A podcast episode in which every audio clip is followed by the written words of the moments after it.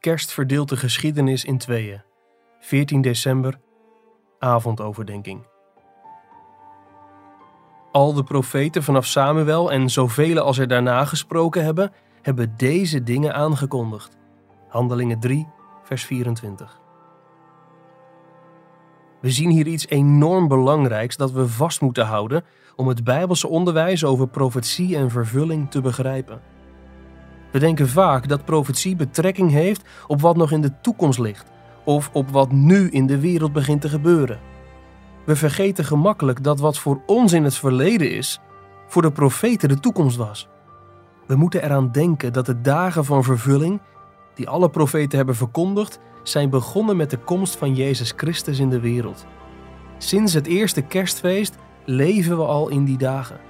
Als de profeten het laatste der dagen voorspelden, bedoelden ze daarmee niet de 21ste eeuw. Die laatste dagen zijn begonnen in het jaar 1. Dat is het eenparige getuigenis van het Nieuwe Testament. In 1 Korinthe 10 vers 11 zegt Paulus dat de gebeurtenissen in het Oude Testament zijn gebeurd als voorbeelden voor ons en ze zijn beschreven tot waarschuwing voor ons over wie het einde van de eeuwen is gekomen. Voor Paulus was het einde van de eeuwen niet ergens 2000 jaar later in de 21ste eeuw. Nee, het begin van dat einde was al aanwezig in de eerste eeuw. De lang verwachte Messias was gekomen.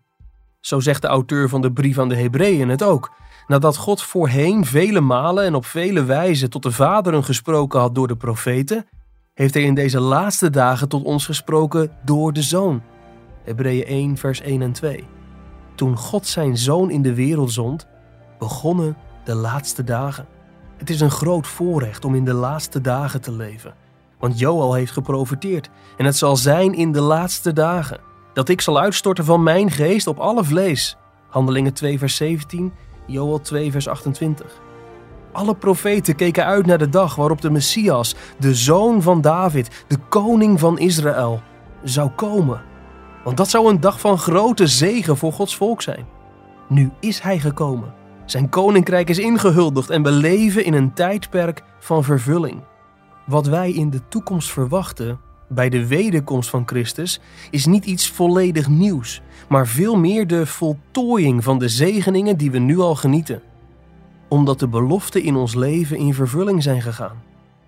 Kerst heeft de geschiedenis in twee tijdperken verdeeld: het tijdperk van de belofte en het tijdperk van de vervulling. Als Petrus in Handelingen 3, vers 24 dus zegt: Al de profeten hebben deze dagen aangekondigd, zien we dus dat hij deze laatste dagen van Hebreeën 1, vers 1 bedoelt, waarin God tot ons heeft gesproken door de Zoon. De dagen vanaf het eerste kerstfeest tot het moment van de voltooiing dat nog moet komen. In die tijd leven wij. Het nu reeds van de vervulling is al indrukwekkend. Menswording, kruisiging, verzoening, opstanding, hemelvaart, hemelse heerschappij, voorbeden, uitstorting van de Heilige Geest, wereldwijde zending, inzameling van de volken, de kerk, de geschriften van het Nieuwe Testament, het gebed in Jezus' naam, onuitsprekelijke vreugde en de zekerheid die hij heeft verworven.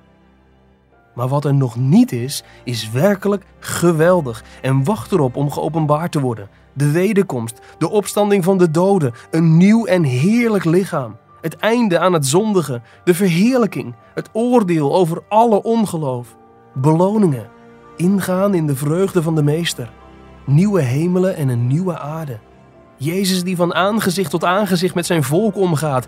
Geen ellende meer. Eeuwige vreugde. Kerst verdeelt de geschiedenis in tweeën. Voorproefjes van die toekomst krijgen we in overvloed. En drink met grote teugen van wat Hij voor ons heeft verworven.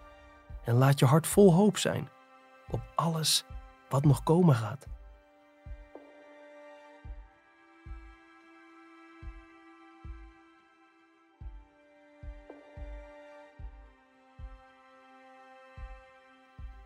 Je luisterde naar een overdenking uit het boek Onwankelbare Vreugde van John Piper.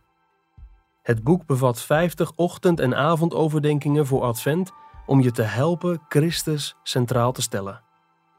Ga naar de webshop van Geloofstrusting om het boek te bestellen of ga naar onwankelbarevreugde.nl voor een online dagboek voor het hele jaar.